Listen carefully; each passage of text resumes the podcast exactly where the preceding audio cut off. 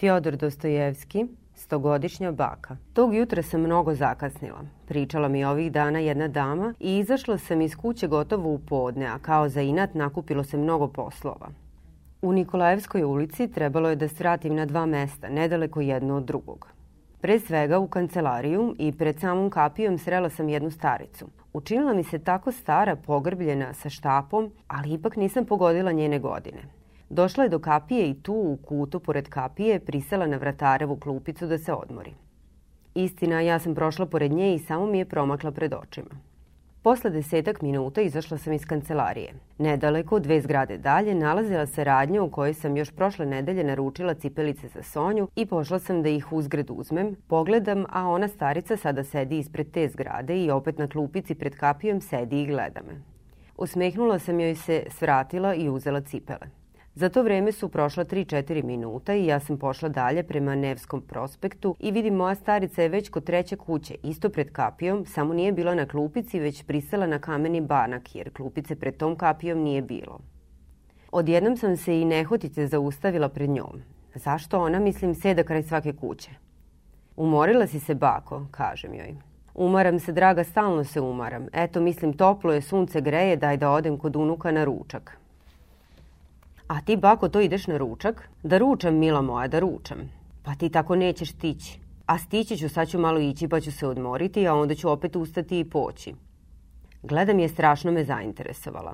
Malena i čista starica, verovatno iz anatlijskog staleža, sa štapom u ruci, odeća iznošena, lice bledo, žuto, kosti koža, usne bezbojne, mumija neka, a sedio smehuje se, sunčevi zraci padaju pravo na nju. Verovatno si bako mnogo stara, pitam je naravno u šali. 104 godine, draga. Imam 104 godinice samo i ona se našalila. A ti kuda ideš?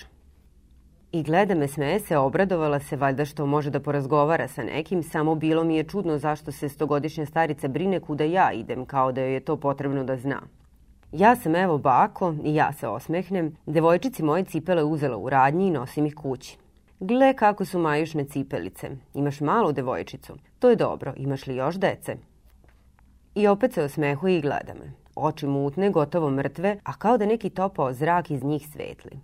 Bako, uzmi od mene pet kopejki i kupi sebi zemičku. Hoćeš li? Pruže joj pet kopejki. Zašto mi daješ petak? Pa dobro, hvala, uzet ću tvoj petak. Evo, uzmi bako i ne zameri. Uzela je.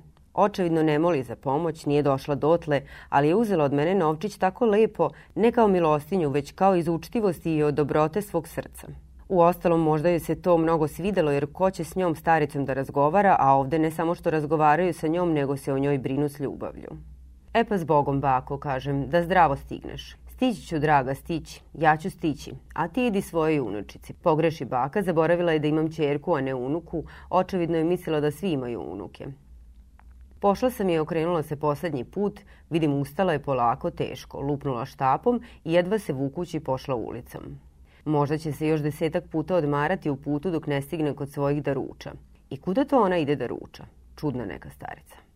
Slušao sam tog jutra ovu priču, istina, ne priču, već izvestan utisak od susreta sa stogodišnjom staricom i zaista kad će čovek sresti stogodišnju staricu i još tako puno duševne snage. I sasvim sam zaboravio na nju, ali kasno noću, pošto sam pročitao jedan članak u časopisu i ostavio časopis, odjednom sam se setio starice i za tren oka doslikao nastavak, kako je došla kod svojih daruča. Nastala je duga, možda veoma uverljiva mala slika. Njeni unuci, a možda i praunuci, samo ih ona sve zove unucima, verovatno su neki zanatlije, naravno porodični ljudi, inače ona ne bi išla k njima na ručak. Žive u suterenu, a možda i neku frizersku radnju iznajmljuju. Siromašni su naravno, ali se hrane i poštuju red u kući. Domilila je do njih verovatno tek oko dva sata. Nisu je očekivali, ali su je dočekali možda doista ljubazno. A evo i nje. Uđi, uđi Marija Maksimovna. Izvoli rabe Božiji. Starica ulazi osmehujući se zvonce na ulazu još dugo, oštro i sitno zvoni. Njena unuka je verovatno žena tog frizera, on je još mlad čovek, ima oko 35 godina, ozbiljan za svoj zanat, mada je zanat lakomislen. Ima na sebi umašćen i flekav kaput, valjda od pomade, ne znam, ali drugačije nikada frizera nisam video. I jaka na kaputu im je uvek kao da je valjena u brašnu. Troje male dece, dečak i dve devojčice, odmah su potrčali prababi. Obično se tako veoma stare bake uvek lako sprijatelje sa decom. I same duševno postaju veoma slične deci, ponekad čak sasvim. Starica je sela. Kod domaćina je njegov poznanik ili kao gost ili nekim poslom čovek 40. godina, već se spremao da ide. I sestrić mu je u gostima, mladić od 17 godina, hoće da učiti pografski zanat. Starica se prekrstila i sela, gleda u gosta. Oh, umorila sam se. A ko je to kod vas? Je li ja? Odgovara gost smeškajući se. Šta vam je Marija Maksimovna? Zar me niste poznali? Pre tri godine smo se spremali da zajedno idemo u šumu po pečurke. Oh, to si ti, znam te podsmevalo jedno. Sećam te se, samo se ne sećam kako se zoveš i kosi, a sećam se. Oh, nešto sam se umorila. A što vi, Marija Maksimovna, poštovana bako, nimalo ne rastete? Eto što sam hteo da te pitam, šali se gost. Ah, đavo te odneo, smeje se baka, očevidno zadovoljna. Ja sam Marija Maksimovna, dobar čovek. Pa sa Dobrim je zanimljivo i porazgovarati. Oh, stalno se gušim, majko moja, a serioški ste vidim već sašili kaputić. I pokazuje na sestrića.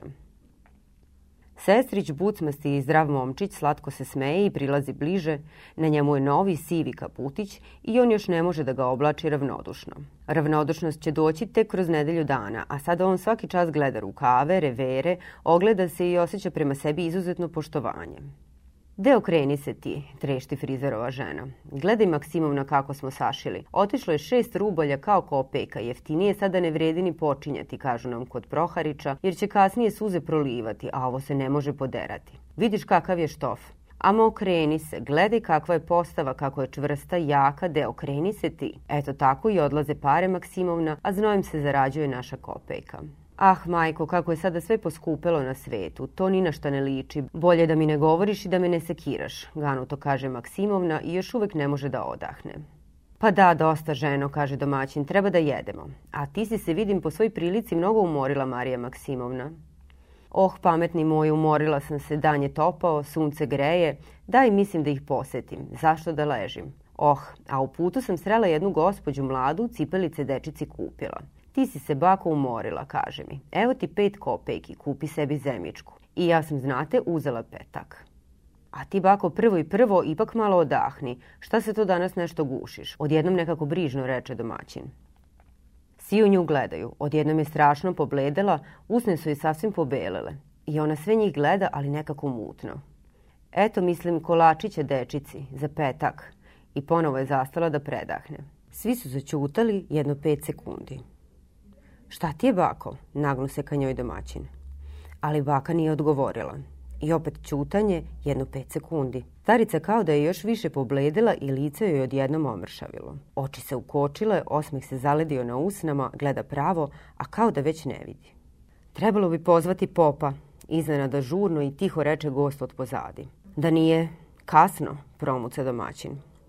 Bako, ej bako, Doziva staricu frizerova žena sva uznemirena, ali baka je nepomična, samo je glava polako pada na stranu, u desnoj ruci što leži na stolu drži pet kopejki, a leva je tako i ostala na ramenu najstarijeg praunuka, šestogodišnjeg Miše. On stoji nepomičan i grupnim začuđenim očima gleda prababu.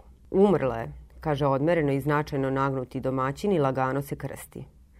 Gle ti ovo, vidim ja ona se naginje, ganuto i odsečno reče gost. On je strašno iznenađen i gleda sve redom.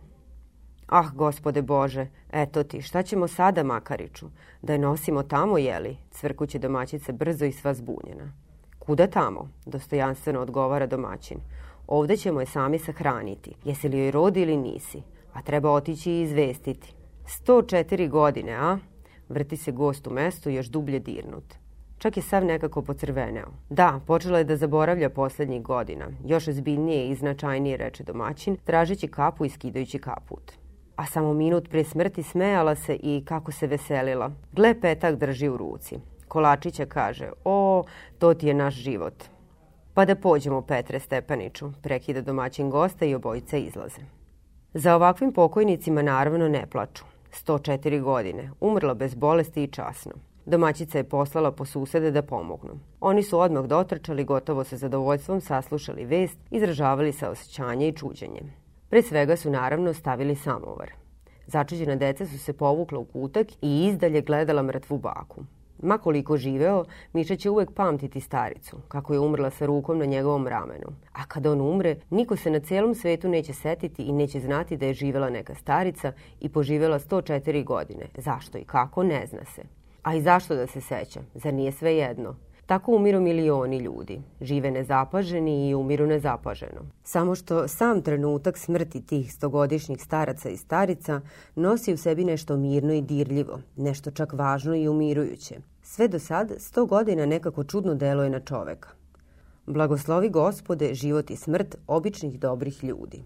U ostalom, ovo je laka i beznačajna sličica – i doista odabereš da ispričaš nešto interesantnije od onog što si čuo za mesec dana, a kad počneš onda ili se ne može ili nije aktuelno ili ne govori sve što znaš i tako na kraju krajeva ostaju jedino same beznačajne stvari.